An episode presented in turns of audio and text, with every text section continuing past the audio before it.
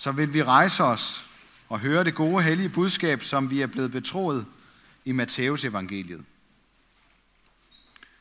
Jesus sagde, ingen kan tjene to herrer. Han vil enten have den ene og elske den anden, eller holde sig til den ene og ringeagte den anden. I kan ikke tjene både Gud og mammon. Derfor siger jeg jer, vær ikke bekymret for jeres liv, hvordan I får noget at spise og drikke, eller for hvordan I får tøj på kroppen. Er livet ikke mere end maden, og lægemet mere end klæderne? Se himlens fugle. De sår ikke, og høster ikke, og samler ikke i lade, og jeres himmelske far giver dem føden.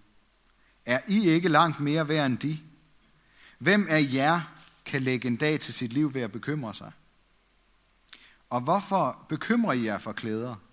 Læg mærke til, hvordan markens liljer gror. De arbejder ikke og spinder ikke. Men jeg siger jer, end ikke Salomo i al sin pragt var klædt som en af dem. Klæder Gud således markens græs, som står i dag og i morgen kastes i ovnen, hvor meget snarere, så ikke jer i lidetroende. I må altså ikke være bekymrede og spørge, hvordan får vi noget at spise og drikke, eller hvordan får vi tøj på kroppen? Alt dette søger hedningerne jo efter, og jeres himmelske far ved, at I trænger til alt dette. Men søg først Guds rige og hans retfærdighed. Så skal alt det andet gives jer i tilgift. Så vær da ikke bekymret for dagen i morgen. Dagen i morgen skal bekymre sig for det, der hører den til. Hver dag har nok i sin plage. Amen. Værsgo, så.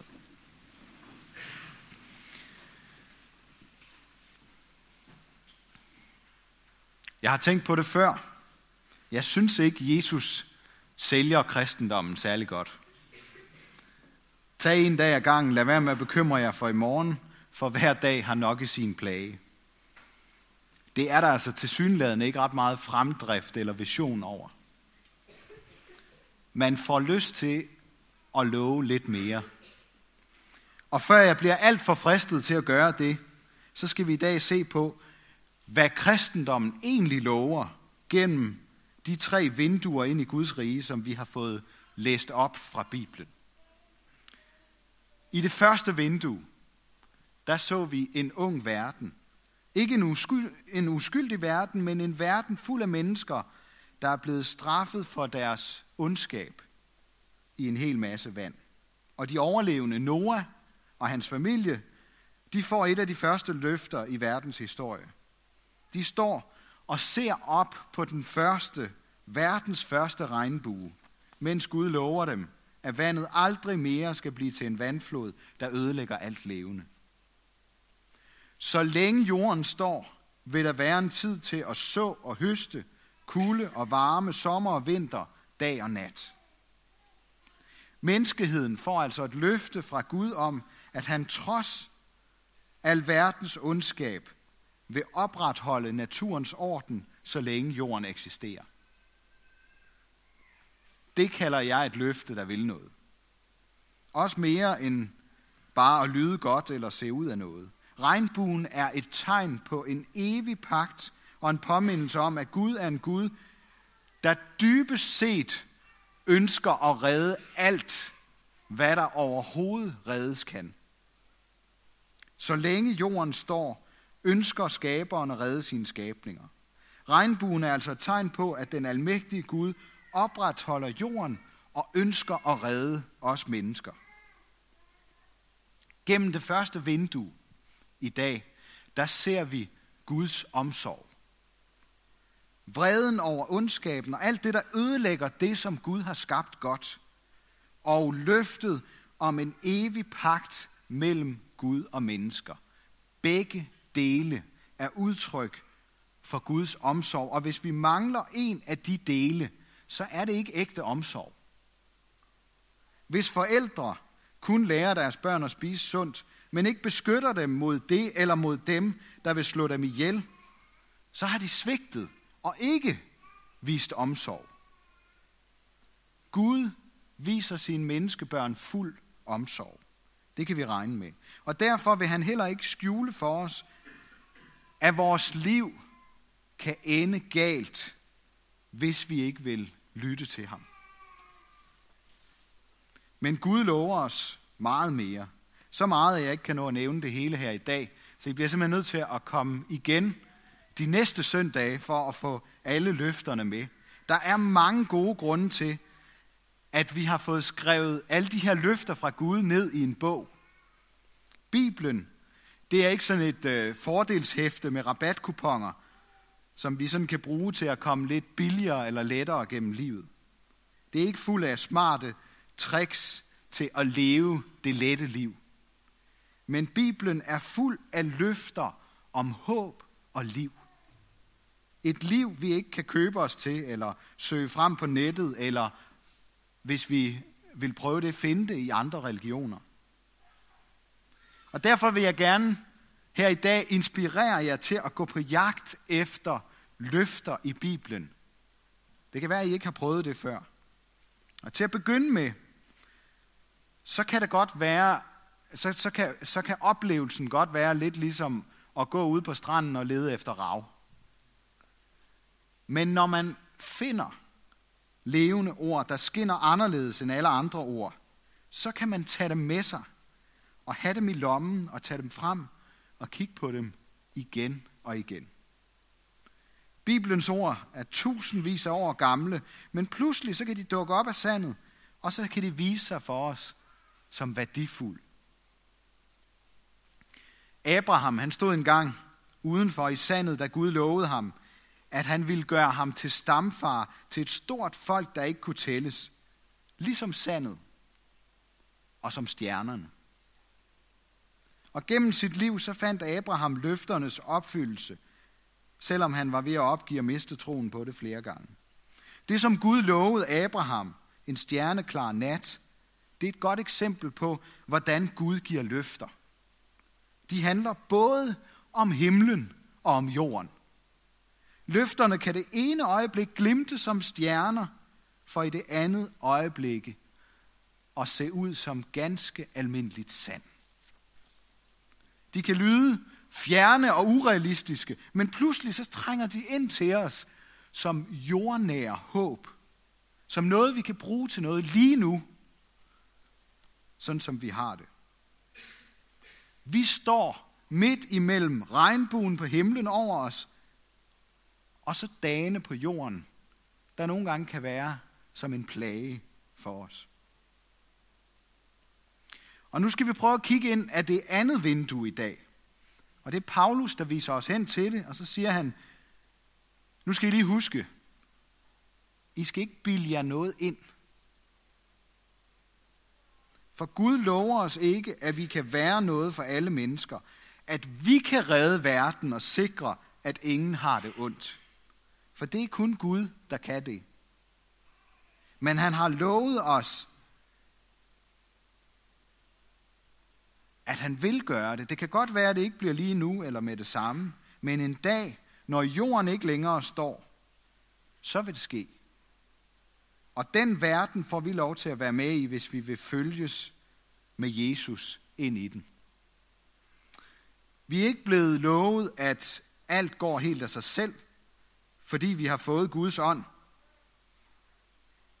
Men vi skal lade ånden udfordre os til at tage skridt. Han vil vise os, hvad vi skal finde og samle op af ord og mennesker, mens vi går. Det er det, Paulus siger om at vandre i ånden. Det er at vandre i ånden. Vi skal hjælpe hinanden til rette med mildhed, og selv passe på ikke at falde i fristelse. Vi skal bære hinandens byrder. Og det er det, som Paulus kalder Kristi lov. Det handler ikke så meget om regler, men mere om retning eller handling. Hvem retter vi os mod, når der er noget, vi ikke kan overskue eller finde ud af? Er det dem, der siger det, som vi gerne vil høre? Eller er det dem, der siger det, vi ikke gider at høre på, men som vi inderst inde godt ved er det rigtige? Det vi sår, skal vi også høste. Satser vi på at investere i materiel sikkerhed, eller satser vi på at finde og tro på Guds løfter.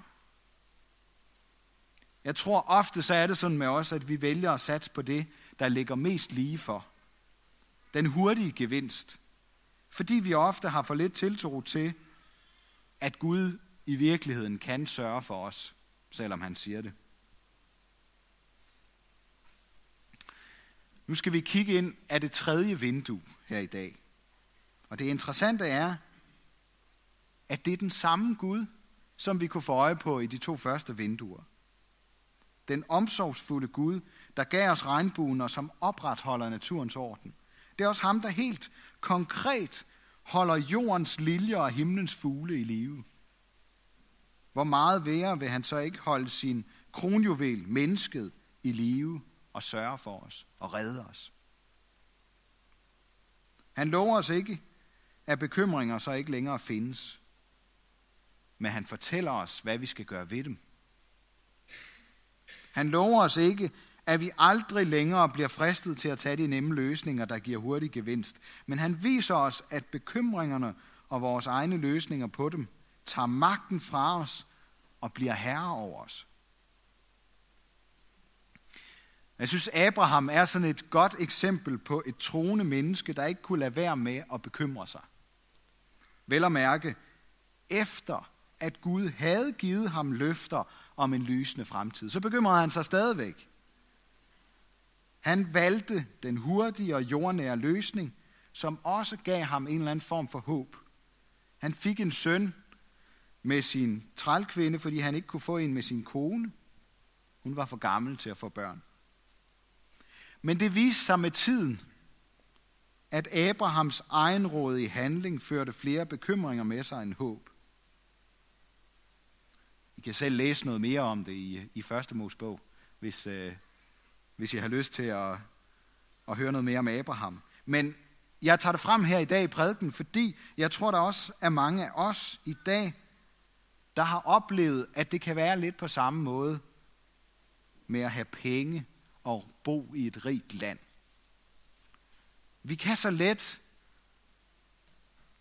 komme til at miste fokus på, hvad det egentlig handler om. Fordi det giver så mange muligheder, og det giver så mange bekymringer. Især hvis vi ikke bevidst vælger, hvem der skal være herre over vores penge og vores frihed til at gøre, som vi vil. Og når vi så prøver at søge Guds rige og hans retfærdighed, altså at gøre og vælge det rigtige, så er det slet ikke sikkert, at det får vores bekymringer til at forsvinde. Så handler det måske om, at vi bekymrer os om Guds ledelse, og om hvordan vi bedst får den til at passe sammen med det, som vi egentlig gerne helst selv vil. Og vores land, det er jo også rigt på åndelige fortolkninger af Bibelen, så vi kan altid finde en, der kan bekræfte os i det, vi ønsker. Og så bliver det til, at kristendommen lover os lige præcis det, vi gerne vil have den til.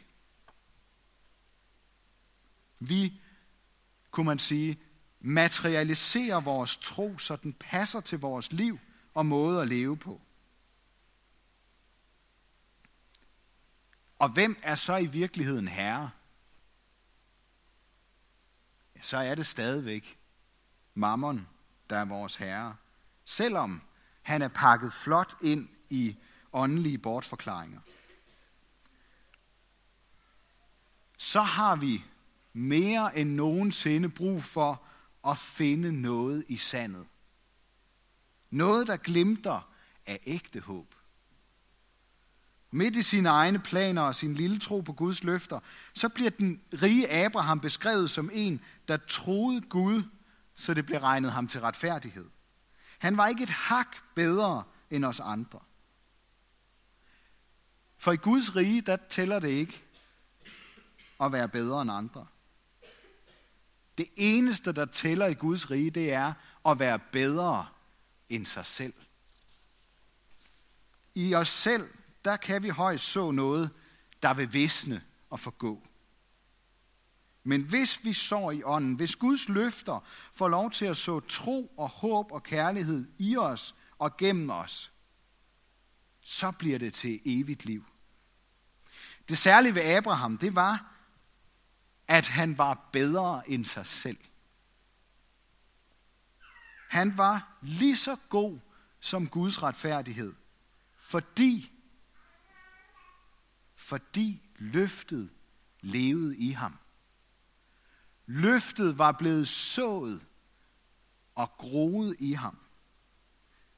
Bekymringerne, jamen dem havde han stadigvæk, men de fik ikke lov til at kvæle håbet i det løfte, han havde fået.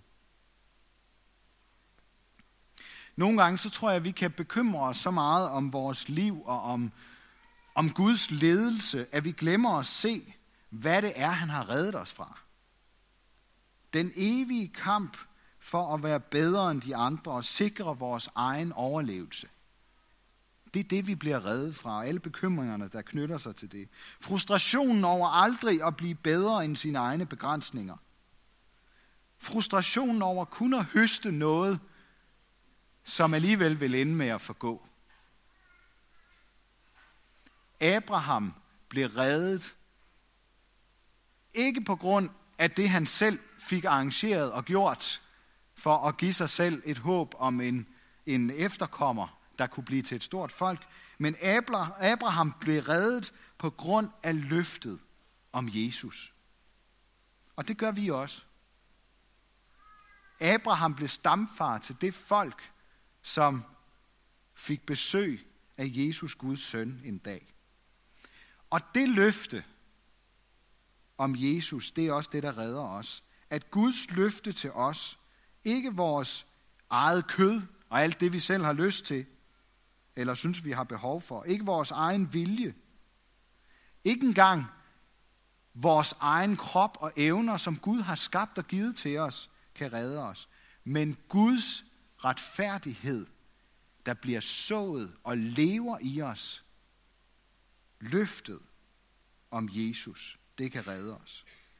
Paulus han siger det sådan her, og, og det er jo i virkeligheden lidt filosofisk, og igen noget, der kræver, at man man øh, tykker på det og snakker med andre om det og hører det igen og igen. Han siger sådan her, jeg lever ikke mere selv, men Kristus lever i mig.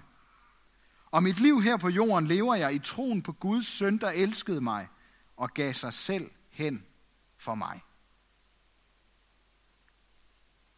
Jesus lover os ikke dage fri for plage eller bekymringer ligesom hans eget liv på jorden i øvrigt heller ikke var fri for den slags. Men han vil være så tæt på os som muligt, midt i alt det, som vi nu oplever. Og han vil elske os, og han vil slide sig selv op for, at vi kan blive reddet.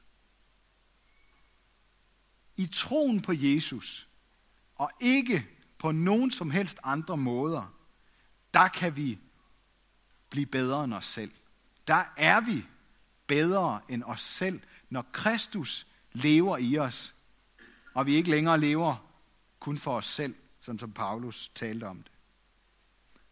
I troen på Jesus, der er vi bedre end os selv.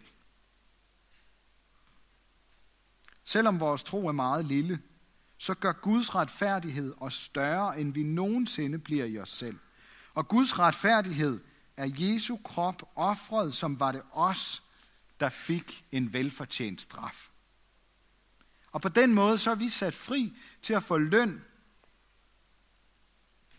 ikke som vi havde fortjent, men løn, som Jesus har vundet til os. Vi får løftet om et evigt liv. Og det er dybest set og det er helt bevidst, at jeg i dag ikke har talt en hel masse konkret om bekymringer. Fordi jeg tror, det er jeg overbevist om, at, at ofte så, så er det det, vi gør, og så vokser bekymringerne sig kæmpe store for os. Det er meget bedre at finde det, som for alvor kan undergrave vores bekymringer. Og det eneste, der for alvor kan tage bekymringerne fra os, tage den dybeste bekymring fra os i forhold til, hvad skal det overhovedet give af mening med vores liv? Hvad skal der ske med os efter døden? Det er det, som Jesus har gjort. Det er det, at Jesus lever i mig, og jeg lever ikke mere selv. Her til sidst. En gang der troede jeg, at Gud ønskede at begrænse mine bekymringer mest muligt, ved at love mig, at de værste ting ikke ville ramme mig, når jeg var en kristen. I dag der ved jeg, at det var noget andre, eller måske i virkeligheden allermest mig selv, noget jeg selv havde bildt mig ind, fordi andre så gerne, og fordi jeg også så gerne selv ville tro på det. Men når man går med en barnekiste i armene, så kan man ikke rigtig bruge den slags løfter til noget længere. Det er gået op for mig, at der er noget, der er værre end at miste sig selv. End at miste noget af sig selv. Der er noget, der er værre end at miste livet. Og det er at miste håbet. Håbet om det evige liv. Og det lover Jesus os, at vi må beholde, når han er i os, og vi er i ham. Også selvom dagene kan være en plage. Vi kristne er desværre alt for gode til at love mere, end vi kan holde. Sådan er Jesus ikke. Han lover aldrig mere, end han kan holde. Og det er de løfter, vi skal holde fast i, hvis vi vil fri af bekymringernes tyranni. Søg først Guds rige og hans retfærdighed. Så skal alt det andet gives jer i tilgift. Ære være Gud, vores far, der har skabt os i sit billede. Ære være Guds søn, der tog vores straf, så vi kan slippe fri. Ære være Helligånden, ham der gør Guds kærlighed og omsorg levende for os.